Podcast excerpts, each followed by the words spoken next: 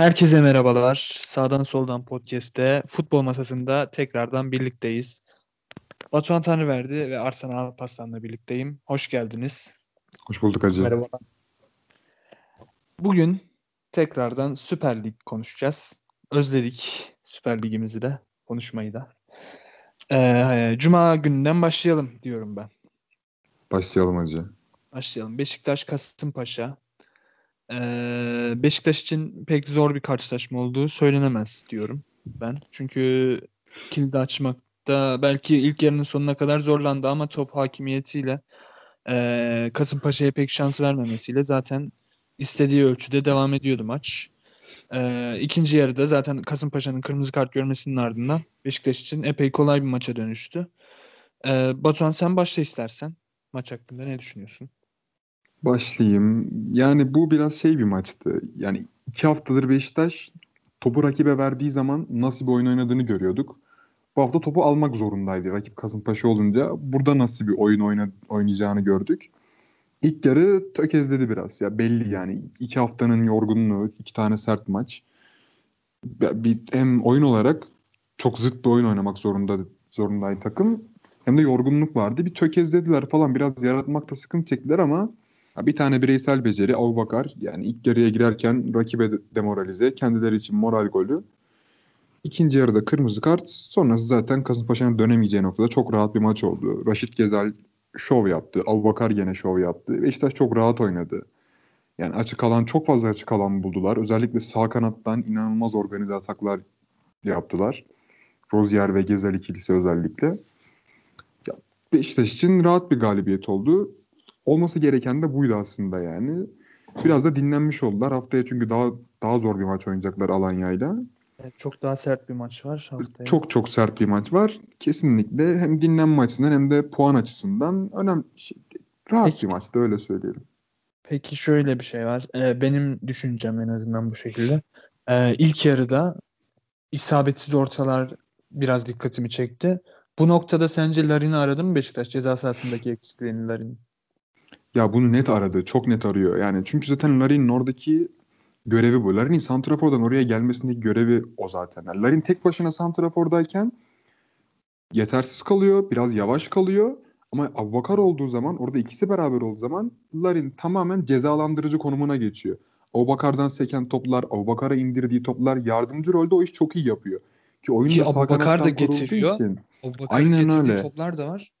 O noktada kesinlikle ceza sahasında Beşiktaş Larin'i arıyor. Çünkü ya net arıyor. Getiren Abu Bakar olduğunda ceza sahasında ciddi bir eksiklik oluyor.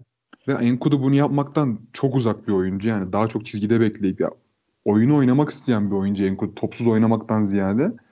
Ya bu noktada acaba Güven Yalçın tercih edilebilir miydi sol kanatta? Çünkü bu oyunu oynadı Güven Yalçın daha önce Burak ya, Yılmaz'da. Şöyle bir soru işareti vardı. Ee, Larin formda olmasa acaba Güven'e mi şans verse? Özellikle e, Gençler Birliği'ne yenilmesinin ardından bu çok düşünüldü.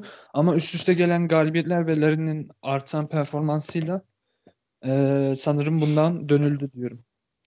Arsena'ya döneceğim hemen. Ee, Larin sormak istiyorum. Yani size soracağım. E, Larin'in sol kanatta forvetten sol kanata çekilince yaptığı etkiyi e, Hamza Hamzoğlu Galatasaray'a geldiğinde hatırlarsınız belki. Burak Yılmaz'ı forvet arkası oynatmıştı. İlk maçında inanılmıyorsam metrik yapmıştı. Çok çok iyi oynamıştı böyle belli bir süre boyunca. Aynı şekilde Sergen Yalçın da bunu görüp görüp ve bu oyunu düşünerek derini sol kanada attı. Yani çok benzemiyor mu bu hamleler birbirine? İkisi de net santriforken bir anda bambaşka hücumun bambaşka yerlerinde çok da iyi katkı verdiler. Ya bana benziyor. kalırsa benziyor. Yani şöyle bir şey var. Orada birazcık sanırım zorunluluk var Hamza Hamzoğlu'nda. Çünkü sonrasında orada zaten Snyder oynadı. Yani sanırım önünde Umut Bulut da oynadı. Tam emin değilim ama Burak Yılmaz zaten o, o mevkinin çıkışlı bir oyuncu. Yani Burak Yılmaz zaten o, o mevkiyi kariyerinin başında çok oynadı. Alış, oraya çok alışkın bir oyuncuydu hani Burak Yılmaz. Kanat da oynadı Burak Yılmaz ve bunu Drogba ile beraberken de sol kanatta oynayabileceğini göstermişti. Ya zaten Burak'ın yeteneği bunu zaten gösteriyordu. Larin biraz daha piyangodan çıkmış gibi oldu. Yani orada bir boşluk vardı. Sergen Yalçın hazırlık maçında denedi ve oldu. Ya bu kumar tutmaya da bilirdi. Biraz fiziksel avantajları onu çok öne çıkarıyor o pozisyonda. Zor, zor. Ya Ee, maç şey Hamza Hı, tamam sen devam et. Yok yok ben maçla ilgili konuşacaktım. Sen söyleyebilirsin. Hamza Hamzaoğlu benim yan, ben yanlış hatırlamıyorsam Prandelli'den sonra gelmişti değil mi? Galiba. Öyle mi? Galiba. Şey e, çünkü çok kötü bir dönemdi. Hatta hani Prandelli'ye inanılmaz yükleniliyordu. Ben öyle hatırlıyorum. E, tam da hani net sorunların bariz bir şekilde ortaya çıktığı bir dönemde ekstradan bir opsiyon yaratarak hücumda elini güçlendirmiş oldu ki e, benzerlikleri bence tam da bu noktada. Çünkü Sergen Yalçın da aynı sorunlardan müzdaripti. Özellikle hücum hattındaki eksiklerden. Hani Boyd'la Lens'le oynuyordu. E, PAOK maçına baktığınızda. Oraya illaki bir şey üretmen gerekiyordu. E, Larin'i oraya çekmek de belki de bu noktada Beşiktaş'a ciddi bir artı kazandırdı. Kesinlikle Sen şimdi istersen maçtan devam et. Maçtan devam edeyim. Ben de e, Beşiktaş'ın özellikle ikinci yarı çok rahat bir şekilde oynadım. Kırmızıdan sonra çok rahat bir şekilde kazandığını düşünüyorum. E, çok iyi gidiyor Beşiktaş. Son 2-3 haftadır diyebilirim. Özellikle sağ kanadı şu anda Türkiye'de başka böyle işleyen sağ kanat olduğunu düşünmüyorum. Galatasaray'ın iyi oyununa rağmen. E, Gezal çok özellikli bir oyuncu. Kanat oyuncusu. Yani ben çok hatırlamıyorum böyle 10 numara görevinde 10 numara özelliklerine sahip kanat oyuncusu oynayan. Fegüli'yi sayabilirim belki. Ee, Gezal arkasında Rozier'le çok iyi bağlantı kuruyor. Ee, Rıdvan da bence yani geçen yılda çıkış yapmıştı ama bu yılda çok çok iyi oynamaya devam ediyor. Yani önünde iyi bir açıkla beraber gelecek yıllarda milli takım için de konuşabilirim. Çok iyi bir e, alternatif oyuncu olacağını çoktan gösterdi bence. Benim aklımdaki Beşiktaş'la ilgili soru orta sahadaydı. Atiba'nın yaşı çok belli. Ee, Joseph oynayabilecek mi diye benim e, aklımda soru işareti vardı. Çok kaliteli oyuncu ama e, kendini verebileceğini çok düşünmüyordum ben açıkçası. E, Mensah Mensah yani çok bekleneni verebiliyor mu Beşiktaş taraftarına? Ondan da emin değilim. E, ama genel olarak genel oyuna baktığımda Beşiktaş çok iyi götürüyor şu ana kadar ligi. Bunda Sergen Yalçın'ın parmağının olduğunu net olarak söyleyebiliriz. E, tam bir teknik direktör do- dokunuşları yaptı takıma ve e, takım oyunu oynatıyor takıma şu an için. Şimdi çok ufak bir mensah atabilir miyim? Tabii ki. Tabii tabii. Şimdi Mensah'ın şöyle bir durum. Mensah'ta potansiyel var şimdi yani. Atletico almış, Car- Carcut bunları biliyoruz zaten. Biraz şeyin kurbanı oldu. Yani öyle bir seviyeye çıktı ki tak- takım. Gezel harikalar yaratıyor. Abubakar derbi kazandırıyor falan. T- tabii ki takım oyunu. Baştaki ilk yarım saati gö- görürsek. Herkes o kadar üst düzey oynuyor ki. Mensah da orada bir şeyler yapmaya çalışıyor. Yani ben biraz bunu fark ettim. Topu alıyor, bir şeyler yapmaya çalışıyor, oyunu kurmaya çalışıyor. Ve bunu en çok yapan oyunculardan bir tanesi. Fakat bunu yaparken risk bölgesine çok fazla giriyor ve çok fazla top kaybı yaratıyor. Özellikle de hızlı çıkışlarda. Bu yüzden birazcık diğerlerine nazaran daha kötü oynuyormuş izlenimi veriyor bence. Kasımpaşa maçında şunu fark ettim. Özellikle birkaç pozisyonda sol tarafa doğru açtığı çok güzel toplar var aslında. Ki goldeki koşu da çok önemli. Normalde o topu verdikten sonra oraya koşmasını beklemeye de bilirsin. Ya, topu veriyor ve çok güzel devam ediyor. İçeriye giden Gezel olmasına rağmen arkaya koşmaya devam ediyor. Ya, sorumluluk alması ona biraz bazı yerlerde pahalıya patlıyor. Özellikle Fenerbahçe maçında çok gördük. Yani birkaç tane kontra topunu ezdikten sonra hani orada sorumluluk almak isterken biraz kötü gözüktü. Bence savunma katkısı beklediğimden daha fazla. Ama sorumluluk almaya çalışırken de özellikle hücumda birazcık daha hani böyle topu daha hızlı ayağından çıkartırsa o zaman göze o da batmaz. Ben öyle düşünüyorum. Ya Mensah'ın bir kalitesi olduğu çok aşikar bence ama zaten tüm yarattığı o şey bu insanları tartışma içine sokmasının sebebi savunmadaki zaafları. Çok sık top kaybetmesi ve hani e, yanından geçen adamlara neredeyse hiçbir tepki vermemesi. E, mesela Fenerbahçe maçının ardından öven insanlar da genel olarak e, hani bu sefer bu sefer bir tepki verdi. Bu sefer savunmada da biz e, Aynen. karakter koydu diye övüldü. Ki ben genel olarak Fenerbahçe maçında pek iyi bulmadım yine de. E, ama Kasımpaşa maçında bence bu daha farklıydı. E, evet çok kaybetti ama Beşiktaş'ın her hücuma çıkışında onun etkisi vardı. O, top ondan geçti. E, o kurdu atakları. Bundan dolayı bence Kasımpaşa performansı daha üstteydi. Ee, ben yine mesela hala zirvesinde değil büyük ihtimalle. Zaten virüsü atlattı. Ya Yakın muhtemelen. ha. içerisinde. Ee, bence daha iyi olacaktır ya. Ben öyle düşünüyorum. Beşiktaş'la ilgili bir şey sormak istiyorum. Ee, alternatifi olmayan oyuncular var Beşiktaş'ta ve bu Var evet. da var. Ee, bunun eksikliğini Beşiktaş uzun vadede 30 maç var önünde. En kısa süreli düşünürsek lig için bakarsak. Bunların herhangi birinin eksildiğinde Beşiktaş'ın nasıl bir oyun ortaya koyacağı veya bu e, Sergen Yalçın'ın takım oyunun devam edeceğini söyleyebilir misin? Ya benim düşüncem şu şekilde. Ya ilk aklıma mesela Rozier geliyor. Ee, yani yerini nasıl dolduracak hiç bilmiyorum. Dorukan'ı çekmeyi denedi ama yani Fenerbahçe maçına ve Kasımpaşa maçına baktığımızda hani Dorukan'ın Başakşehir maçındaki performansı fena değildi ama Rozier'in o Beşiktaş'a kattığı şeylerin yarısını falan ancak katabilir diye düşünüyorum. Ee, Sergen Yalçın burada hani net dokunuşları ne kadar e, hani elinden ne gelebilir? Bir de onu düşünmem gerekiyor. Onu da hesaba kattığımızda bence Sergen Yalçın'ın bu özellikle hani transfer yapılmayan ve bariz bir şekilde yapılması gereken yerlere çok bir etkisinin hani daha fazla bir şey yapabileceğini sanmıyorum. Oradaki herhangi bir eksilmede Beşiktaş ciddi hasar görür Beşiktaş'ın oyunu. Ee, zaten devre arası transfer döneminde de en çok dikkat edilmesi gereken noktalar oralar diyorum ben. Ya transfer önüne dikkat edecek de çok zor ya. Transfer yapması çok zor Beşiktaş'ın. Yani Çok zor evet. öyle bir alan 18 tane yabancısı var Beşiktaş'ın şu an. Yani dışarıda Evet. Lens, Mirin, Douglas var. Biri daha var. Kim bilmiyorum. Boyd var. Boyd var. Boyd var. Ha. Ya bu dördünü göndereceksin. Üstüne bir daha göndereceksin eğer yabancı alacaksan falan filan iş bayağı uzuyor. Yani Abubakar'ın herhangi bir sakatlığında yani bacağından dolayı demiyorum da hani genel olarak bir sakatlık yaşadığı zaman Santrafor'da ne yapacak Beşiktaş o çok önemli. Hadi kaleyi bir şekilde yaptın. Utku bir iyi oynadı. Ersin oynadı falan. Yine, yinelerine dönecek büyük ihtimal Santrofor. Ya işte yine Çok dönecek de Larin de Abubakar değil yani. Abubakar Kesinlikle o tartışılmaz yani. o yaratıcılıkta bir oyuncu değil. O etkiyi orada vermez yani. O Fener maçı Bahçe maçında attığı o iki golü Larin'den beklemezsin. Belki kafayı? Bekleyemez. Hı hı, tabii ki. Yani Abu Bakar da kesinlikle en dediğine katılıyorum. Çünkü ya Larin'i atacaksın, güveni atacaksın. Başka bir seçeneğin var mı? Çok da bilmiyorum yani. Abu Bakar. aklıma bir de Gezal Evet ben de onu düşündüm Batuhan söylerken. Ama bilmiyorum ya. Çok denenebilir mi? Ya da dener mi Sergen Yalçın? Ya bu noktada biraz tabii ki şey hani antrenmandaki performanslarını da göz önünde bulundurmak gerekiyor ki bu bizim dahil edemeyeceğimiz bir şey. Ee, Sergen Hoca illa düşünür ama bilmiyorum ben deneyeceğini sanmıyorum yine. Ben. Atiba ben Atiba'yı falan atarsa şaşırmam yani Konya şey Denizli ma Denizli maçındaki gibi falan yani. bir şey yaparsa Ya tabii şaşırmam dedim. ama Atiba'nın zaten kariyerinin şu noktasında oynamadığı yer kalmaması da hani gayet göz önünde bulundurulabilir bence. Ya 38 yaşına falan geldi. Denizli maçında santrafor oynadı. Çok net yani. Bayağı gözüktü. Ya Abubakar'la çift santrafor oynadılar.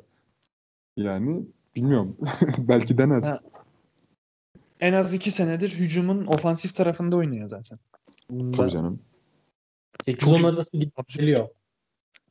Hı? 8-10 arası gidip geliyor Atiba. Evet evet. Tam orada tam da bir kimliği yok. Hangisi lazımsa oraya evriliyor falan. İlginç bir şey ya. Ve yani 37 yaşında olması çok nasıl diyeyim. Hani kendisi diyor yaş sadece bir sayı falan da ya bilmiyorum bu birazcık da incelenmesi gereken bir konu bence yani bu kadar o Başakşehir maçında attığı defa, depar falan bu normal şeyler değil yani bunlar. Ya zaten profesyonellikten başka bir şeyle açıklanamaz sanırım ya. Yoksa hani ne diyebilirsin Evet. ki? Yani kendine çok iyi bakıyor. Gerçekten. Fiziği hala çok diri. Bunu yapması gereken birkaç oyuncu daha var Beşiktaş'ta. Ben, Oğuzhan sanırım. Oğuzhan var ve ben yani çok kırılma noktası bence Laiç. Yani Laiç ya. eğer Beşiktaş'ta Laiç hani o ilk geldiği seneki gibi randıman tam bir performans verirse çok farklı bir seviyeye gidebilir takım. Çünkü Laiç ama oyuncu. ciddi ciddi bir buhranda duruyor ya. Gerçekten depresif ya. Kesinlikle. Abi elleri arkada maça ısınmak nedir yani? Elini arkaya bağlamış. Otobüste, durakta otobüs bekler gibi gelene dokunuyor. Hafifçe paslar atıyor falan. Ya böyle bir şey yok. Özel hayatından çok şey yansıyor basına. Hani ne bileyim sevgilisiyle ayrıldı falan. Evet, yani konuda da bir çocuğu al- atlat artık kardeşim yani kaç milyon lira kazanıyor. Yani Yani Allah Beşiktaş'ın en çok kazanan 3. oyuncusu mu? 2. oyuncusu mu? Kız arkadaşı bundan sonra. ayrılmış artık yani çocuğu olacak kız arkadaşın hala depresyonda bu adam. ya. Evet orada da Luka Jovic'e sistemlerimi iletiyorum. Evet. Peki sevgili Luka Jovic Real Madrid Evet. yaptın oradan. Real Çok Madrid'de de Real Madrid'de de hiçbir hiçbir katkısı yok. Beşiktaş'a da katkısı olmadığı gibi. Frankfurt'tayken çok iyiydi bu arada. Frankfurt'tayken iyi ama olabilir konu ama çok dağıldı. konu çok dağıldı. Neyse devam edelim. Neyse o zaman Beşiktaş hakkında ekleyeceğimiz bir şey yok sanırım. Ya Ama- benim ekleyeceğim bir şey yok da bu inşallah patlamaz diyorum yani. Bu güzel giden bir şeyler var Beşiktaş'ta. Bu sakatlık vesaire O bir şey zaman- olmazsa renk katıyorlar. O zaman en son bir Alanya Spor Beşiktaş tahmini alayım. Hemen Galatasaray maçına geçelim. Arsenacım önden buyur. Ben beraberlik veya Beşiktaş'ın alacağını düşünüyorum. Alanya hafta içi maç oynayacağı için yorgun olacağını düşünüyorum. Batu. Ben de buna aynı şekilde katılıyorum. Ben de ben ben sanırım Beşiktaş alır'a biraz daha yakınım. Aynen Ben öyle size olabilir. katılarak hemen geçeyim Galatasaray Hatayspor maçına. Ee, Arsenal'cığım burada seninle başlayacağım. Ee, Galatasaray'ın genel performansını nasıl buldun? Bir de Hatayspor'un şu hücum hattı hakkında özel bir konuşabilirsek çok sevinirim. Çok ilginç şeyler denediler çünkü. Ya e, Galatasaray'ın genel oyunu hakkında ne düşünüyorum? Sezona çok iyi başladı. Arkasından çok kötü oyunlar çıkardı ve şu an tekrar iyi oyununa dönmüş durumda. E, Beşiktaş'ta da bahsettiğim gibi yeri doldurulamayacak oyuncular listesinde Galatasaray'da tek bir isim geliyor bence bu durumda.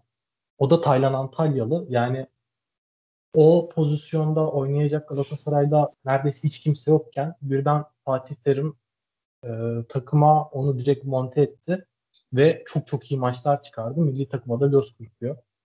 Ee, onun dışında Galatasaray'ın oyunuyla ilgili e, çok iyi yani takım olarak oynayabiliyor Galatasaray. Etkili oyuncuları var. Bir oyun ortaya koyabiliyor. Bir oyun karakteri ortaya koyabiliyor. Ee, bunu ligdeki çoğu takımda göremiyoruz. Beşiktaş'ta bence buna en yakın örneği verebiliriz. Ee, yani çıkan oyunculara baktığımızda Falcao, Babel e, sağ kanatta Feguli 8 numaraya çekti ve Hista rolünde oynatıyor Fatih Terim. Bunların ön hattan çıkıp gene aynı karakterde oyuna devam etmesi yani takdir edilesi bir şey. Ee, Galatasaray'ın bir oyun ortaya koymak istediğini çok net bir şekilde burada bize gösteriyor. Bu Bunları- arada şey de var. Ee, Kerem Aktürkoğlu'na da değinelim bence. Hep Ya onu- 89'da 90'da forma buldu. Sonunda şey yani golünü de buldu. Va- var bekleyişiyle birlikte güzel fotoğraflar da çıktı hatta. Ee, ne düşünüyorsun sen Galatasaraylı olarak? Ya zaten ilk oyuna girdiğinde Oğulcan'ın ilk 11 maçıydı hatırlamıyorsam. Bize e, 6-7 dakikada çok özellikli bir oyuncu olabileceğini gösterdi. Fakat Fatih Terim'in de röportajında, maç sonrası röportajında dediği gibi e, klasman farkı olan bir yerden geldi. Üçüncülükten birincilikte ve Galatasaray'a geldi. E, bununla alışması gerek ve çok özellikli bir oyuncu. Maçın kesinlikle Galatasaraylılar ve belki diğer takım taraftarları için de en etkileyici noktası kendi yarattığı defanstan son dakikalarda alıp iki kişiyi geçip tekrardan Ömer Bayram'a pası verip tekrardan içeriye o Premier görebileceğimiz koşulları yapıp çok güzel bir bitirici vuruşla topu ağları bırakması gerçekten birinci sınıf bir goldü diyebilirim. Çok özellikli bir oyuncu Champions gibi. Umarım katkı sağlar ve umarım böyle devam edebilir Galatasaray'da. Bütün Galatasaraylılar emin ol çok heyecanlandı.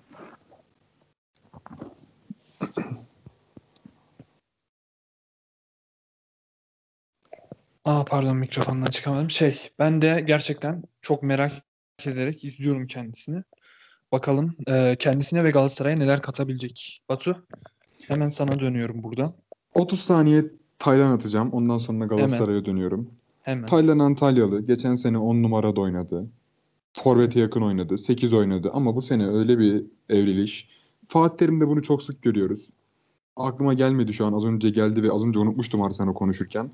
Bunun birkaç örneği daha var. Oyuncuların pozisyonlarını evirip çevirip bir yerlere şey yaparken çok başarılı. Ve Taylan Antalyan'dan modern bir 6 numara icat etti yani. Tamamen bu yani. Modern bir 6 numara oldu Taylan. Başarılarının devamını diliyorum. Galatasaray'a gelecek olursak sene başında Arda Turan üzerinden kurgulanan bir Galatasaray oyunu vardı. Çok netti yani. Orada bir beyin. Evet. evet. Arda Turan çıkınca olmuyordu. veya Arda Turan kitlenince en büyük örneği Fenerbahçe maçı. Şimdi Arda'nın Covid Movit araya girdi.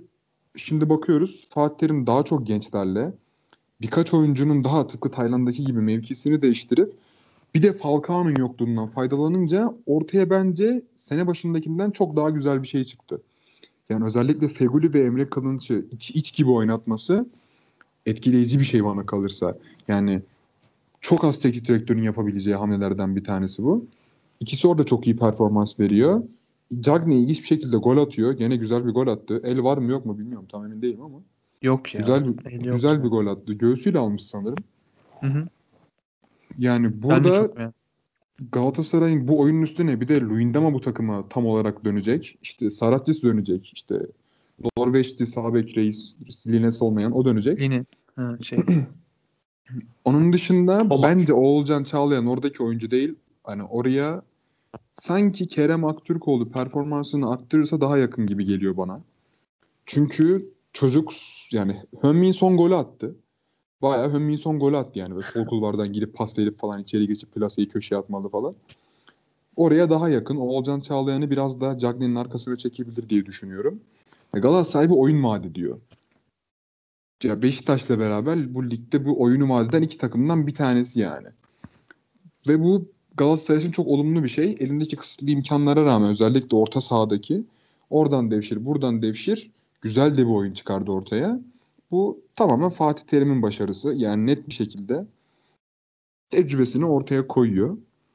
Cagney'i bile bu takıma kazandırması inanılmaz bir artı. İnanılmaz bir artı. Özellikle Falcao hastane köşelerinde sürünürken Cagney'i bu takıma kazandırıp özellikle iki haftada dört gol atacak falan seviyeye getirmesi inanılmaz bir artı. Ben Galatasaray'ın birkaç tane böyle iyi takviyeyle başka bir yere gidebileceğini düşünüyorum. Özellikle hani kanatta Oğulcan, Emre Akbaba falan dönüyor şu anda. Hani oralara bir yama ve birkaç tane elindeki yüklerden kurtulma. Buna Babel gibi oyuncular da dahil. Hani güzel bir transfer dönemi geçirirse bir de Taylan'ın arkasına şöyle bir yama olabilecek bir oyuncu alınabilirse çok farklı bir yere gidebilir Galatasaray'ın bu yeni yeni oyunu diyorum. Ya seri deniyor oraya da. Bilmiyorum seri Tekrar olur mu olmaz gibi mı duruyor. yani. Çünkü taraftar da çok istiyor.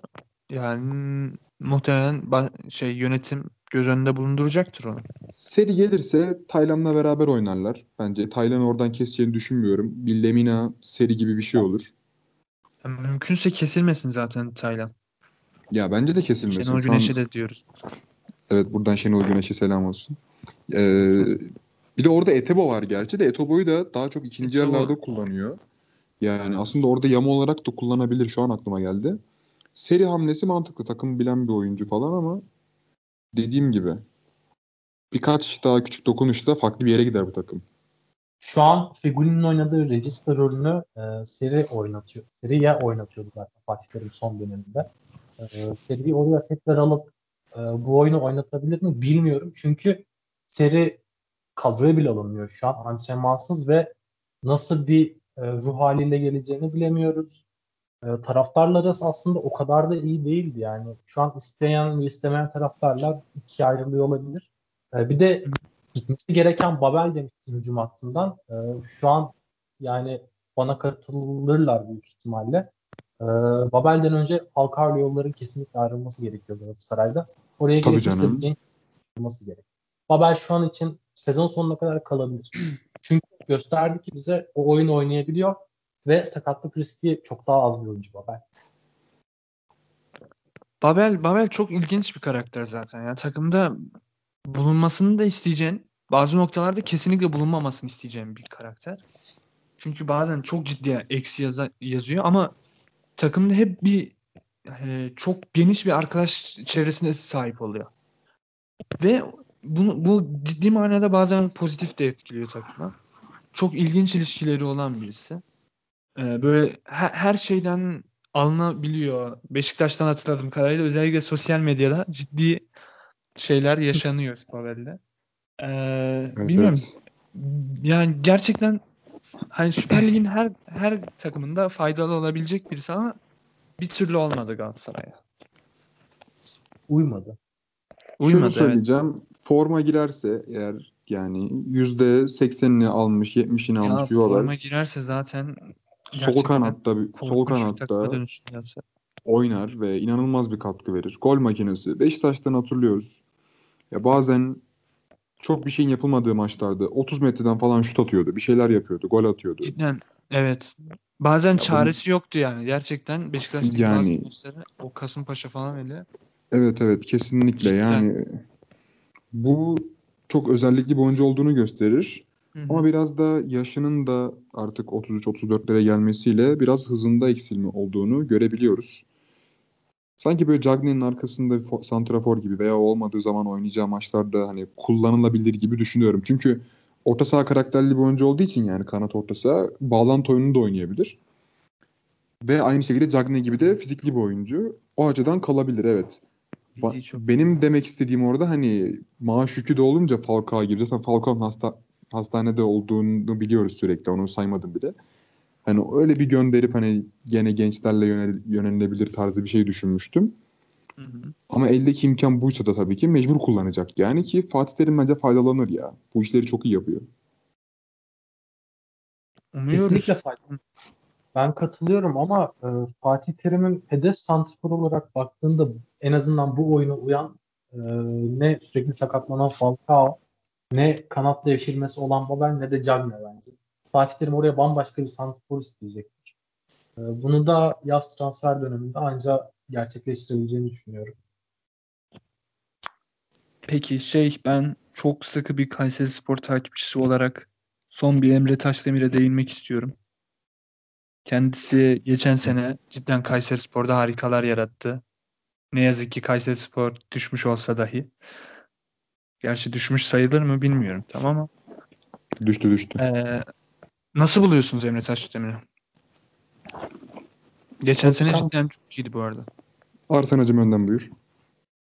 Peki. e, yani şu an yapabileceğinin maksimumunu yapmaya çalışan bir bek ama son tercihleri daima kötü. Ya yap, ben Evet, Uğur Karakul evet. demiştim bunu bugün. E, yapabileceği şeyi yapıyor. Yani hiç ötekini denemiyor diyor, yanlış hatırlamıyorsam. Çünkü onu yapamayacağını biliyor. Kötü orta yapmaya e, kendisini garanti olduğu için topu oraya atıyor. Yani o kadar kendisini belki de bu karşı takımın kasıtlı olarak yaptığı bir şeydi bilmiyorum. O kadar alan yaratıp, o kadar önüne pozisyon bulup ve topları bu kadar kötü kullanan, orada yani belki de bir Caner Erkin ayağında birisi olsaydı Cagney bu maç belki de yine hat-trick yapmıştı. Yani çok kötü bir ayağı var şu an için ama kesinlikle Can, Caner Galatasaray'ın istemez. Ya, bu Galatasaray'ın Ee, yedek olacak birisi kesinlikle. Ya Ama asla- Galatasaray'ın net 11 oyuncusu seviyesinde değil. O çok aşikar zaten. Ee, ama gerçekten ben hani bu Anadolu takımlarında özellikle tam Anadolu takımı topçusu ya bence çok iş yapar. Zaten Galatasaray'da çok bir geleceği var gibi durmuyor şu an. Ee, ben olarak bence kullanılabilir iki yıl. Daha yaş çok uygun. Ne Yaşı zaman evet, hala- Ya Bakacağız. aslında hazır Ömer Bayram orta sahada oynayamayacak. Geçen sene sol iç oynuyordu. Şu an Emre Kılınç orada daha teknik oyuncu oynuyor.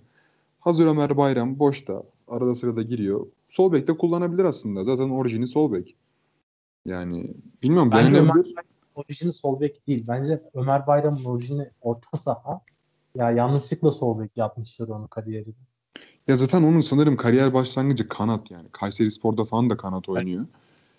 Ama yani sonuç olarak sol bekte oynamış ve sol bek oyunuyla transfer yapmış Galatasaray'a bir adam bu. Yani orada çok denenebilir. Sol beki gerçekten çok kötü oynadı. Hatta bir yıl önce yaz transfer döneminde Ömer Bayram gönderilecek haberleri çıktı. Hazırlık maçında Fatih Terim orta saha oynattı ve beğenildi. Ondan sonra takımda kaldı ve iyi ki de kalmış. O yarının sonlarına doğru takıma inanılmaz bir dinamiklik katmıştı. Çok Tabii faydalı. canım. O, o da Fatih Terim'in buluşlarından Zaten o dönemde- yani. en öne çıkan isimdi ya Galatasaray adına. Çok net ya. Bir ara inanılmaz oynuyordu yani. Takımda bir sürü yıldız varken. Lider'ı. İlk yarıda. Ya bilmiyorum ben denenebilir diye düşünüyorum gene hani. Bence bu takım takım bu kadar iyi oynarken sırıtmaz. Hmm, anladım. O zaman ekleyecek bir şeyiniz var mı Galatasaray'a? Yok benim yok. Benim yok. Peki o zaman Fenerbahçe maçına geçelim. Denizli Spor. Ya tüm hafta gerçekten ola, tüm haftaya yayılmış bir olaylı maçtı gerçekten. Çok ilginçti. E, Denizli Spor'un paylaştığı şeyler falan hiç onlara girmeyelim bence. Hakeme de girmeden maç yorumlayalım diyorum. Çünkü inanılmaz bir orada şey var. Hani ne desen annene sövülecek gibi bir durum var. O yüzden e, Denizli Spor'un korkunç oyunu benim dikkatimi çekti. E, özellikle hücumdaki o müthiş verimliliği e, göz ardı edilebilecek gibi değildi gerçekten. E, Fenerbahçe iki golü buldu. Hatta üç golü buldu. Biri vardan döndü. Yanlış hatırlamıyorsam. Hı hı. E, sonrasında kırmızı kart, penaltı kaçtı. 6 ay falan ve 2-0 biten e, bir maç. Ne düşünüyorsunuz Batucuğum? Yani Fenerbahçe ilk yarıda bu maçı 4 falan yapabilirdi. Yani evet. ilk yarı bayağı olurdu yani. Bu Caner Erkin baya böyle bir hani gene tek yarıda 3 asiste falan Sisse'nin kafasına kondurabilirdi veya işte Mert Hakan, Pelkas hepsi içeride. İlk yarıda o olmadı. Gene de skoru buldular. Ben anlamadım yani. Bir şekilde Fenerbahçe skoru buldu. Biraz Rize Spor'un hem defansta çok kötü olması hem hücumda çok kötü olması onun dışında kadro tercihinde çok kötü olmasıyla skoru buldu Fenerbahçe. Öyle çok aham şamda evet. bir oyun oynamamasına rağmen hani tamamen Caner üzerinden oynanıyor oyun yani. Orta sahada birkaç pas trafiği, Caner'in Caner'e atılan Ferdi top de, Caner Ferdi, içeri Ferdi'ye kesiyor. de gidiyor. Ferdi opsiyonunu çok denediler. Ya Ferdi'yi denediler. Şöyle bir şey var. Hani Ki asisti Ferdi de yaptı. asisti yaptı tabii canım. O şey değil ama genel olarak bakıldığı zaman tabii ki Ferdi denendi, Pelkas denendi, Mert Hakan da denendi ama oyunun temeli Caner Erkin üzerinden dönüyor yani. Genel ilk hedefleri o oluyor. Burada biraz da Sosa sanırım birazcık bu oyunu yönlendirirken Ferdi'yi falan görüyor. Hı hı. İlk yarı böyle olabilirdi. İkinci yarı çok farklı bir şeyler oldu. Ben yani özellikle kırmızı kart Serdar Aziz çok anlamadığım bir şekilde oyun dışı kaldı. Önce itiraz etti. Sonra Vardan tekrar sarı yedi falan. Yani o bence o da beklemiyordu. 10 kişi Evet. kaldıktan Kimse sonra beklemiyordu.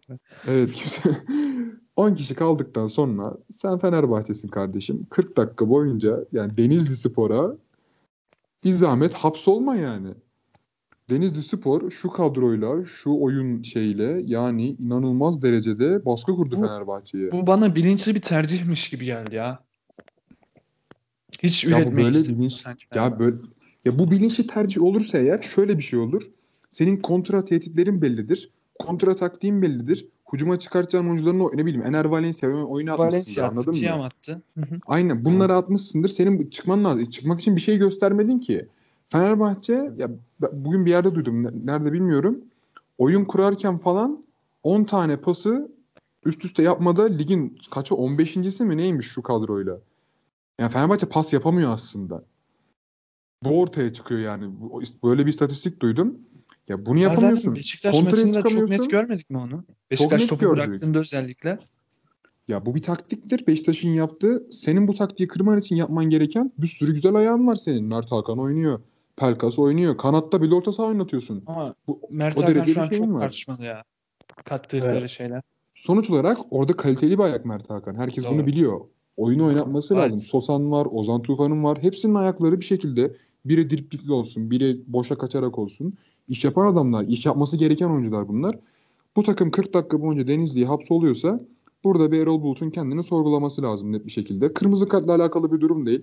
Bu takım 10 kişi Denizli Spor'a ikinci yarı kontradan dördüncü gol de atardı, beşinci gol de atardı. O kaliteye sahip bir takım. Burada El- Erol Hoca'nın iyice bir düşünmesi lazım bence.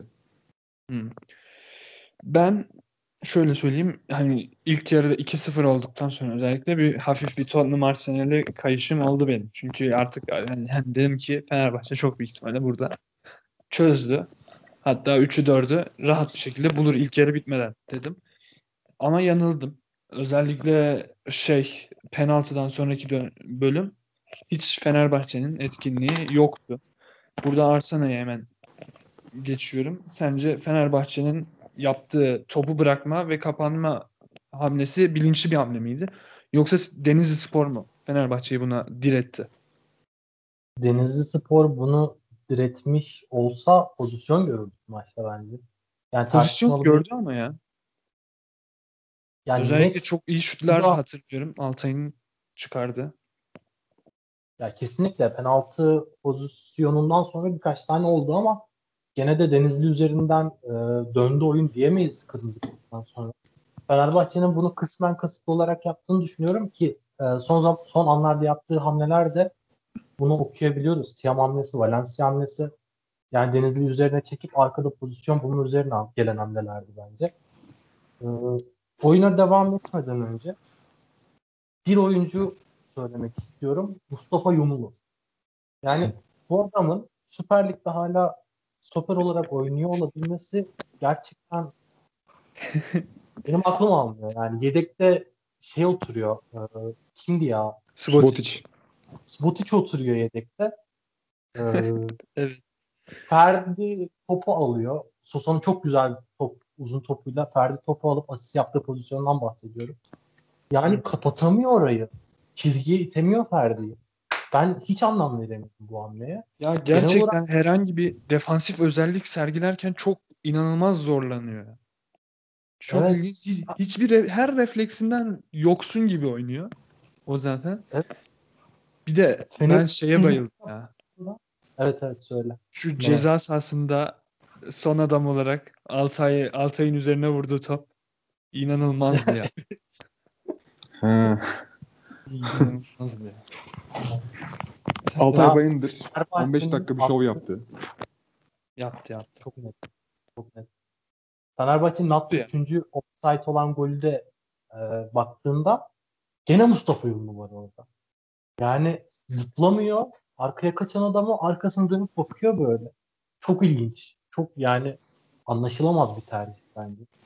Onun dışında oyuna baktığında Fenerbahçe'nin e, Beşiktaş ve Galatasaray üzerinden okuduğumuz gibi net bir oyun olmadığını görüyoruz. Ee, ama ya ben sezon başından beri diyorum ligin en derinlikli kadrosu, en özellikli kadrosu, en iyi orta sahası e, ve belki de form bulunca e, Abu Bakar'la birlikte ligin en iyi e, forvet olacak bir oyuncuya sahip. Samatta'dan bahsediyorum. E, bir kanat ve bir stoperle devre arası takviyesi yaparlarsa çok çok iyi yerlere gelecekler.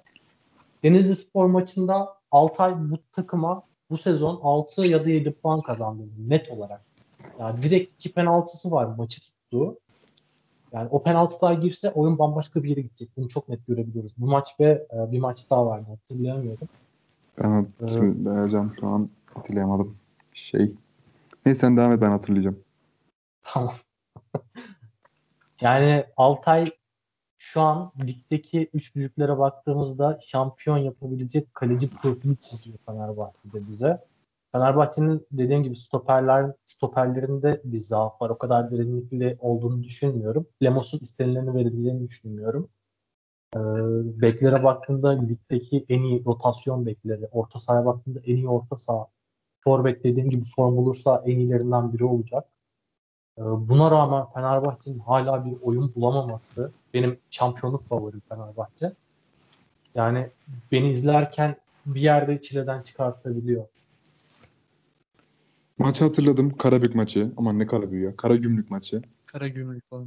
87'de kurtardığı penaltı. Bir tanesini de yemişti. Orada da maçı aldı. Evet iki penaltı oldu. Birini yedi birini tuttu. Doğru. Hangisini tutacağı zamanı çok iyi biliyor Altay Bayındır. Bazı pozisyonlarda birazcık fazla şova kalkıyor. Böyle üstüne gelen topta sıçrayıp böyle kale direğinin orada elini falan havaya kaldırmalar bir şeyler. Ama gene de bence yan topunu geliştirirse iyi kaleci. Acayip kaleci olur yani. Özellikle karşı karşıya da falan inanılmaz kaleci. Yani ben çok şaşırıyordum nasıl yapıyor böyle karşı karşıya da falan diye. Çok inanılmaz kurtarışları oluyor. Gene taşıdı Fenerbahçe'yi yani. Bu arada Fenerbahçe'nin ben pek stoper ihtiyacı olduğunu düşünmüyorum. Hani yani birazcık şey sıkıntıları var orada. Hani ikili bir olmadı anladın mı? Hani Tisserand tamam okey oynayacak belli de yanına Lemos'u mu koyacaksın? Serdar'ı mı koyacaksın? Bir onu koyuyor, bir onu koyuyor. Bir onu koyuyor, yani bir onu koyuyor. Hepsi bir olacak gibi oluyor sonra ilginç bir şekilde olmuyor. Evet o sıkıntı ki orada en önemli şeylerden biri devamlık yani. Bu Galatasaray'a çok net belli oldu iki sene önce. Marka, Luyendama bir geldiler. sanırım 4-5 maç falan alışma süreci sonra inanılmaz bir ikili. Birbirini tamamladılar. Birbirlerinin hatalarını tamamlayan oyuncular. Böyle bir şey tutturamadılar. Ki Lemos geçen hafta Beşiktaş maçında yani net bir şekilde savunma olarak iyi bir stoper olmadığını gösterdi yani. orada Serdar Aziz eğer biraz ısrar edilirse üzerinde ki bir önceki hafta da iyi oynamıştı. Fenerbahçe Beşiktaş maçından önceki hafta da iyi oynamıştı. Bence orada iyi bir ikili olurlar gibime geliyor. Ya Serdar Aziz Galatasaray'da şampiyonluk kazanmış bir oyuncu. Kesinlikle e, takımı şampiyonluğa taşıyabilecek bir stoper. Ama e, arkasındaki Lemos güven vermiyor ve yani oraya bir az stoper daha gerekli bence. Ki siz şey dediniz sürekli değişiyor bir ikili bulamadılar. Bu Fenerbahçe kadrosunun bu yıl tamamı için geçerli. Oynayan oyuncu ya mevki değişiyor bir sonraki maç ya da hiç oynamıyor. Ya çok Chelsea 2 maçtır 11. Baktığında. O da öyle yani. Her taraf öyle evet. Ya ben burada burada Sosa'ya değinmek istiyorum biraz. Ee, sizce Sosa e, eğer olur da bir penaltı koparırım düşüncesiyle e, iki haftadır içinde Maradona formasıyla geziyor mudur? Net. Çok net. Twitter'dan çalmış gibi oldum biraz kusura bakmayın. Bu acayip, acayip, acayip net biliyor musun? Muhtemelen Türkiye'deki de ya dünyadaki bütün Arjantinli futbolcular için geçerli bu. Perotti sakat olduğu için ağlıyordur şu an evde. Bilemiyorum artık. Anlıyorum. Anlıyorum. Çünkü gole yakın e, da ya. Peki biraz da Denizli'ye değinelim. Ben şey hocanın hamle yapmamasını hiç anlamadım. Orada bir hoca yok. Önce onu söyleyelim. Çok saçma bir karar. Hocamın yani adını takım, hemen bir kontrol edelim. Bu takımın niye hocası yok? Deniz Spor'un niye kenarda bir teknik direktörü yok? Çok ilginç bir şey. Ve geçen hafta Başakşehir maçında 3-0'dan gelen bir takım var. Ve 70'ten sonra mı ney? Bu, bu takım evet. bu hafta nasıl böyle oldu? Yani Mesela sonradan giren Varela Beşiktaş maçında da kötü oynamamıştı. Niye oynamıyor? Bilmiyorum. İlginç kararlar. Zorunluluktan yani. aldı ya onu. Öyle değil mi? Varela Zor, hayır, zorunluluktan aldı. Normal hayır hayır çocuk... pardon. Yok Va- Varela erken girmişti. Yo Varela 78'de Zorunluluktan girdi. giren başkasıydı. Ee, fa, fa, Fabiano sanırım. Neydi adı adamın? Fabiano. Fabiano, Fabiano, Fabiano, evet. dok, Fabiano 90 artı 1'de girdi ya sanırım. Rodega'nın yerine girdi. Aynen o 90 artı 1'de girdi zaten. Sakatlıktan girdi. Yoksa aynen, almayacak aynen. Evet almazdı canım. Ya ben demek istediğim mesela o Varela'yı niye daha, daha erken almıyorsun? Muravski penaltı falan da kaçırmıyor. Adam moralsiz. Orada bir orta sahan var yani ki iyi, iyi oynamış. Beşiktaş maçının en iyilerinden biri de o takımda yani. Şaşırmıştım ben. Anlamadığım bir şekilde Oğuz Yılmaz ikinci yarı niye çıktı Subotic'iydi? Niye Mustafa Yumlu çıkmadı? Gerçi hangisini çıkaracaksın o da ayrı bir mesele ya. yani. Mustafa Yumlu çok daha sırıtıyordu. Yani. Hangisi daha sırıtıyor diye bakacaksın orada. Ya orada net Mustafa Yumlu'yu çıkarması lazım. Orada yani. o piti piti yapmış bile olabilirler yani. Bilmiyorum. yani. Bilmiyorum çok ilginç bir karar. Mesela Bakalor niye... kararlar çok kötüydü evet. Ya, inanılmaz kötü kararlar. Ya Mesanovic oyuna girmesi bence bak doğru bir hamle. Niye? Çünkü Rodego o kadar fizikli bir oyuncu değil. Oraya Tisserant'la falan uğraşacak bir forvet oyuncusu lazım. Tamam attın da niye Bakalor'u çıkartıyorsun? Yani ne bileyim şu Sagal mıydı neydi 28 numara Sagal. hiçbir şey yapmadı Sagal. onu çıkar. Ne bileyim öbür tarafta kanattakini çıkar. Aysati aynen Recep Niyaz'ı oyunu atmadı. Çok ilginç mesela. Ya, acayip ilginç karar. Yani ilginç ilginç ben, şeyler oldu orada. Bu noktada Prosineski hocama seslenmek istiyorum. Hocam şimdi Kayseri'den Denizli'ye gittin. Geçen sene bu Mesanovic'i çok mu beğendin de Denizli'de de yanında olsun istedin? Yani hiç anlamadım ben. Beşiktaş maçlarında gol atsın diye almışlar. Geçen sene sanırım Kayseri'de de atmıştı bize. Emin Gerçekten değilim. Allah'ın affetmesi gereken bir futbolcu yani. Kullandığı Kesinlikle. penaltıda. Bu sene de Beşiktaş'a gol attı. Sadece Beşiktaş'a gol atmak için alınmış oyunculardan bir tanesi olabilir deyip spekülasyon yaptım. Devam et. Ee, bunun yanında zaten Prosineski yok. Yani benim düşüncem. Çok zorlu bir fikstürdesin. Niye orada şey şampiyonluğa oynayan ama kötü giden hocasıyla yolları ayırmış büyük takım triplerine giriyor? Yap Prosinecki'yi tut. Çok tut Prosinecki'yi. İki hafta daha oynat. Yeni bir hocayla anlaş. O hocasız geçirme yani. Erken gönderme Prosinecki'yi. Ya da abi hemen birini getir ya. Çünkü hani evet. bak Başakşehir'den puanı kopardın. Hani biraz morallisin. 3-0'dan döndün. En azından Başakşehir maçından sonrasını diyorum. Fenerbahçe'de derbi kaybetti moralsiz. Koy birini ya. Yani Başakşehir Bak, maçındaki performans o, gerçekten Okan Burak'a yazar bu. Yani Başakşehir maçında o beraberliği almasalardı yani yenilselerdi kesinlikle Fenerbahçe maçına başında bir hocayla çıkardı Denizli Ya adım gibi ya. Okan Burak'a yazar diye. Çünkü hani hocanın oynattığı oyunu çok beğenmiş olamazlar gerçekten. Başakşehir çok ilginç bir şekilde kapandı orada. Ya maç zaten orada 90 artı 2'den sonra gidiyor zaten. 3-1 90 artı 2'ye kadar. Bir penaltı, bir şey. 90 artı Rodallega'nın 1, 90 artı golü. 7 yanlış hatırlamıyorsam. Aynen öyle. 90 artı 2, 90 artı 7 ya. Bir Rodallega bir penaltı orada dönüyor. Ama yani Ha bir de orada net bir şekilde Başakşehir hocamız yani çok yanlış kararlar verdi Okan Buruk. Özellikle Azubuike'yi falan oynatması çok ilginç kararlardı. Onun dışında bak şöyle de bir sorun var. Penaltıyı niye Rodallega kullanmıyor? Yani bak Başakşehir attı. Attı Başakşehir. Geçen hafta kaçırmış olsa da değiştirseler. Muravski'ye Yok verseler yok anlayacağım. geçen hafta Muravski attı Başakşehir'e. Rodallega nasıl attı? Rodallega, atmış. Rodallega normal bir gol attı ya. Ya ben yine anlam veremiyorum. Ona Ya o şu an zaten- anlam benim anlam verdiğim kısım Muravski geçen hafta attı bu hafta o atsın modunda ama Rodallega gibi bir oyuncu var orada. Ya bu burada Rodallega Evet. övmeyi gerçekten hiç istemiyorum ama yani abi yapma ya. Rodallega, Rodallega aslında önemli bir topçudur. Yani yaşı Önemli birazcık almış o. olsa da Ya özellikle bak bu maçta Gekas'tır. Caner'le kavga ettiği kısım var ya. Çok iyiydi. O orada top taça giderken yaptığı o hareket beni mest etti ya. Gerçekten bunu bunu gerçekten kafana koydun reis ve mantıklı olduğunu düşündün sonra da uygulamaya uygulamaya döktün yani. O kadar süper zeka bir hareketti ki. Rodallega Süper Lig'de sadece Beşiktaş maçlarında gol atmayı seven bir adamdır. Yine burada ya yeter. sistemimi belirtmek istiyorum. Her az önce de olduğu gibi. Beşiktaş'a son saniyede attığı gollerin attığı hesabı yoktur. Trabzonspor'da 1.50 1.50 boyuyla acayip bir kafa golü atmıştı. Hiç unutmuyorum. Çok ilginç maçtı. 2-2 bitti. O Karius'un Karius'un yok, ıskaladığı Fa- top. Fabri var. Fabri Fabri onu diyorum. Fabri'nin Ha, olduğu sen- sene Evet, 17-18. Fabri'nin olduğu Çok- sene orta sahadan yolladığı bir şut var. O Orta acayip. sahadan yolladığı falan da bir şut var. İlginç bir şekilde Beşiktaş maçlarında Agüero'ya dönüşüyor. Diğer maçlarda farklı bir oyuncu oluyor. Burada sistemimi belirttim. Devam edebiliriz. Ya daha da bilmiyorum ne diyebilirim. Ee, sanırım Ben şöyle bir ekleme yapmak istiyorum. Yap tabii ki. Fenerbahçe 3 savunma oynayabilir. Çok rahat bir şekilde. Novak gibi defansif bir bekim var. Tisserand gibi Ya zaten. Caner'le Gökhan özellikle çok müsait değiller mi üçlü savunma? Evet için? acayip. Özellikle Caner inanılmaz Ben müsait. çok yani istedim geçen sene acaba denenir mi diye de denenmedi. Özellikle geçen Abdullah Avcı olmadı. döneminde. Abdullah Avcı döneminde çok saçma sapan şeyler denendiği için oraya sıra gelmemişti. Ama dediğim gibi Novak üçlü stoperin sol stoperi olabilir. Sol ayaklı oyuncu. Tisserand ortaya koyarsın. Serdar Aziz sağına koyarsın. Hiç olmadı Lemos'u koyarsın.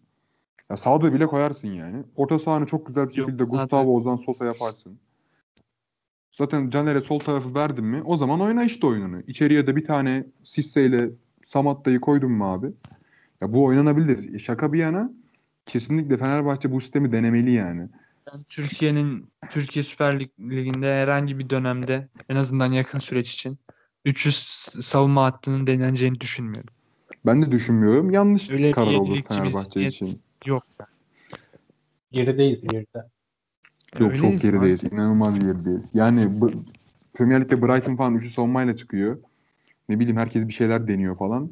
Ama bizim ligde gördüğünüz gibi Üçlü Aytaç Kara savunmayı frikik atmadığı için hoca falan gönderiliyor. İlginç şeyler yani bunlar. Kasımpaşa müthiş yönetiliyor ya. Kasımpaşa Türkiye'nin sanırım tek özel şey yani şirket takımı değil mi Kasımpaşa? Başka Evet. bir tane daha vardı. Ciner oynuyor. Geçen hafta- Başakşehir de sanki o Ba- öyle değiller. Bilmiyorum. Başakşehir'den emin değilim. Ya öyle değiller de o tip yönetiliyorlar diye söyleyeyim. Yani olabilir. Yani Kasımpaşa aslında ben iyi yönetildiğini düşündüğüm bir takımda. Özellikle transfer konusunda bence çok iyi yönetiliyorlar. Ya scoutları kimse gerçekten çok başarılı Aynen. birisi. Kendisini Yalnız takdir sevgili- ediyorum. Sevgili başkana sesleniyorum. Sayın Fuat Çapa bundan sanırım yaklaşık 10 gün önce mi? 15 15 gün önce falan bu takımdan gönderildi. Sonra bir şeyler oldu. Araya birileri girdi çıktı. Sonra bu adam bir daha buraya geldi. Ve şu an takımın başında. Çok ilginç. Yani iki hafta önce bu adam niye gitti? E şu an Onların tekrar niye klasik geldi? döngüsü var. O ona uymak zorundalar. Ya bu- ondan böyle ötürü. bir döngü olamaz yani. Bu çok Var, saçma var. bir şey. Yani bu çok ilginç yani anlatabiliyor muyum? İki hafta içinde yani adam iki hafta tatil yaptı. Sen iki hafta hocalıktan men edildin gibi bir şey oldu yani. Sonra geri geldi. Çok ilginç. Böyle bir şey olabilir mi ya? Yani oluyor Türkiye'de böyle yönetiliyor. Türkiye'nin en düzgün yönetilen takımı olarak geçiyor yani. Bu burada bu oluyor yani. Allah sonumuzu hayretsin diyorum. Özellikle 21 takımlı ligde. Seneye 24. Net bir şekilde. 24. Burada Hadi seneye iş. 24 seneye seneye 24'ü görüyoruz. İyice şeye championship'e döneceğiz artık. Haftada 3 maç. Sadece lig. Çok- Onun dışında başka ben artık bir şey söylemek istemiyorum yani. Çok ilginç. Peki. Ha, e, o zaman haftaya Kasımpaşa Denizli maçı var. Herkese tavsiyemdir. Bunu da ekleyeyim. Yeterince gülebiliriz. Ee, a, tahmin almadık. Galatasaray'da tahmin almayı unuttuk. O zaman sırayla ikisini sorayım ben. Soracağım. Fenerbahçe, Malatya. Ne diyorsun Fenerbahçe net bir. Arslan'a? Bilmiyorum ya. Sıfır Ben ya da bir diye. Sıfır ya da bir mi? Ben bir diyeyim de. Evet. Ben de Ben- sıfır diyorum. Yani Ben bir diyeyim. Ee, bir dakikanızı rica ediyorum. Galatasaray kimle oynuyordu? Ona bak. Galatasaray kimle oynuyordu ya? Şey Bay geçiyor Galatasaray. bayağı Bay Galatasaray maçı geçiyor. yok. Aa, Doğru, doğru, Galatasaray doğru, bay doğru. geçiyor. Ben de doğru. göremeyince şaşırdım. Evet. Galatasaray'ın Galatasaray da şanssız ya bu dönemde bay geçmesi. Cidden şanssız. Evet yani Çok yok. sa- sene başında bay geçmek çok avantajlı. Yani 6 maç 5 galibiyet değil mi Galatasaray? Aynen. Evet. 5 galibiyet bir beraberlik sanırım. Evet öyleymiş. Yani cidden çok formda olduğu bir dönem şanssız gerçekten. O zaman eee, yavaş yavaş kapatalım. Son bir isterseniz Türkiye'nin gruplarına değinebiliriz. Değinelim. Ne düşünüyorsunuz? Tahminler nedir? Hollanda var. Norveç var. Karabağ var. Başka kim vardı? Böyle neydi gidiyor. ya? Diğerleri neyse. Cebeli Tarık. Cebeli Tarık var. rakip. Cebeli Tarık yeniden keşfedeceğiz. Hamburg muydu bir de ya? Ben İzlanda'nın olmamasına çok şaşırdım. Bu İzlanda aynı maçlar ne zaman oynanacak Belki ondan tam olarak? Ee, hiç bilmiyorum.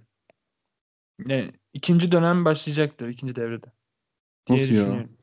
Yani ne zaman Çünkü oynayacaklar? o arada ne oynayacaksın ki? Avrupa Kupası elemesi bitti. Avrupa Kupası grupları belli. Dünya Aynen. Kupası elemesi oynanır büyük ihtimal ikinci devrede. Allah Allah. Hollanda, Hemen Türkiye, Norveç, Karadağ, Letonya, Cebeli Tarık. Evet, Letonya'yı unutmuşuz. ben Kendilerinden şöyle düşünüyorum. Ben şöyle düşünüyorum. Hollanda kesinlikle zirve kadro burada. Yani net bir şekilde. Her ne kadar Van Dijk olmasa da önemli kadro. Bir veya iki Hollanda olacaktır. Ben Türkiye'nin de Hollanda ile beraber bir veya ikiyi değişeceklerini düşünüyorum. Hollanda'nın birazcık futbolundaki sıkıntılar yüzünden. Norveç önemli takım. Bayağı önemli takım. Özellikle Santrafor'da bir olan var. Üf yani. Haaland. Kendisi herhangi- evet. Maşallah. herhangi bir sporcuyla özdeşleşebilir. Hüseyin Bolt desen var. Ne bileyim sarışın herhangi bir Rus futbolcu, atletizmci o da var. Adam kesinlikle inanılmaz bir karakter. Çok atletik ya. Çok ciddi İnanılmaz manada atletik. atletik. Özellikle o kafasını önüne eğip öbür taraf kaleden Evet. karşı kaleye kadar 10 saniyede falan Yarın yokmuş gibi koşuşları. Aynen öyle. Sanki karşıda uğruna ölebileceği bir şey varmış gibi gidip sonra bir de o kadar koştuktan sonra o bitirişi yapabilmesi çok etkileyici. Ama yine de Norveç ben bu grupta üçüncülük adayım yani Norveç. Yok. O sene bu sene değil bence Norveç için yani. Bir tık Özellikle sanki. geçen Dünya Kupası'nı da kaçırırlar. Bunu asla kaçırmayacaklardır.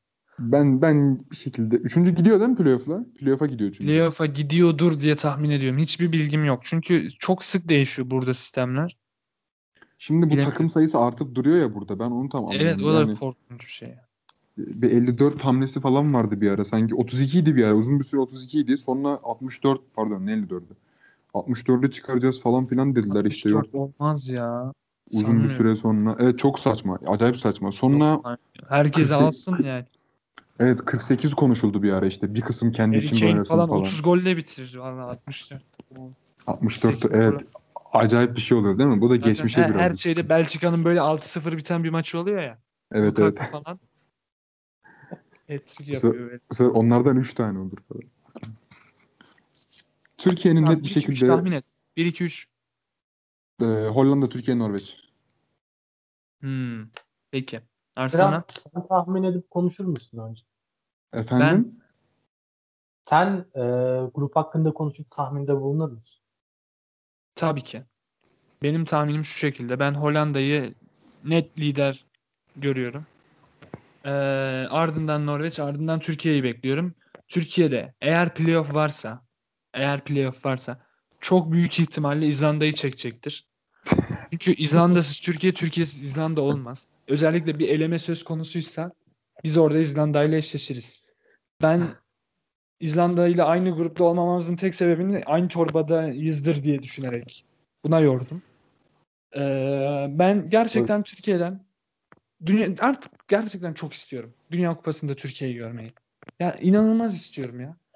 Her Dünya Kupası'nda kendime böyle tutacak takımı arıyorum. Böyle bir şey olamaz. Brezilyacıyız. Devam. Arjantinciyim ben de maalesef. Messi'den ötürü ama e, artık gerçekten Türkiye'yi çok istiyorum. Umarım ikinci olur, birinci olur, bir şekilde gruptan çıkar. E, Türkiye ya şu özellikle küme düşmesiyle iki kere üst üste beni çok üzdü. Son, Çok iyi ya. sonuncusu da- ma- o Macarlara yenildik son maçta mesela. Evet evet. Gerçekten o, olacak iş değil. Tam böyle Rus, Rusya da yeniliyordu. Artık çıkar mıyız hesapları yaparken arda arda gol yedik. Çok saçma bir şekilde tekrar düştük. Ee, oyuncular sevmiyor. Hiçbir oyuncu sevmiyor Avrupa Uluslar Ligi'ni ama yani o da çok tatsız oldu gruptan elenmemiz. O yüzden benim biraz bu takımı gerçekten çok beğeniyordum ama bu Uluslar Ligi'nde üst üste düşmemiz beni biraz demoralize etti o konuda. Ben Ya Uluslar Ligi çok gereksiz organizasyon ya. Maalesef ama ben işte üçüncülük bekliyorum. Ee, ikinciyi de Norveç olarak görüyorum şimdi. Öyle tahmin edeyim. Umarım çıkarız. Arslan'a sana. Ben öncelikle dinleyicilerden özür dilemek istiyorum. İki adet arkadaşım burada Norveç hakkında konuştu ve Norveç'in oyuncularından birine değindi. Fakat benim öz oğlum olan Jens Peter Hauge'ye Hauge'ye de, değinmediler. Ee, çok benim birincilik adayım Norveç. İkincilik adayım e, Hollanda ve Türkiye arasında gidip geliyor. Umarım Türkiye olur. Umarım playofflar varsa Hollanda'yı yollayabilir. Ee, fakat ben Norveç'in e, bu Dünya Kupası'nda hadi diyelim olmadı da öteki Dünya Kupası'nda e, çok çok iyi şeyler başaracağını düşünüyorum. Acayip bir jenerasyon geliyor Norveç. Ee, Türkiye adına da ben de kesinlikle Dünya Kupası'nda görmeyi istiyorum. Yani kim istemez ki futbol takip eden. Umarım bir şekilde playofflar olur, ikincilik, birincilik olur. Gidebiliriz. Ee, zor bir grup olarak görünüyor. Dediğim gibi Norveç gerçekten iyi bir takım. Ee, Hollanda keza çok çok kaliteli bir orta saha sahip. Hücumu bir nebze eksik. Ama e, Türkiye'nin bu grupta şansı hiç yok diyemeyiz. Kesinlikle e, belli bir şansı var. Umarım değerlendirebiliriz. Peki o halde yavaş yavaş sona geldik. Buraya kadar dinleyen herkese çok teşekkür ediyoruz. Ee, görüşmek üzere. Hoşçakalın. Bye bye. Bay bay.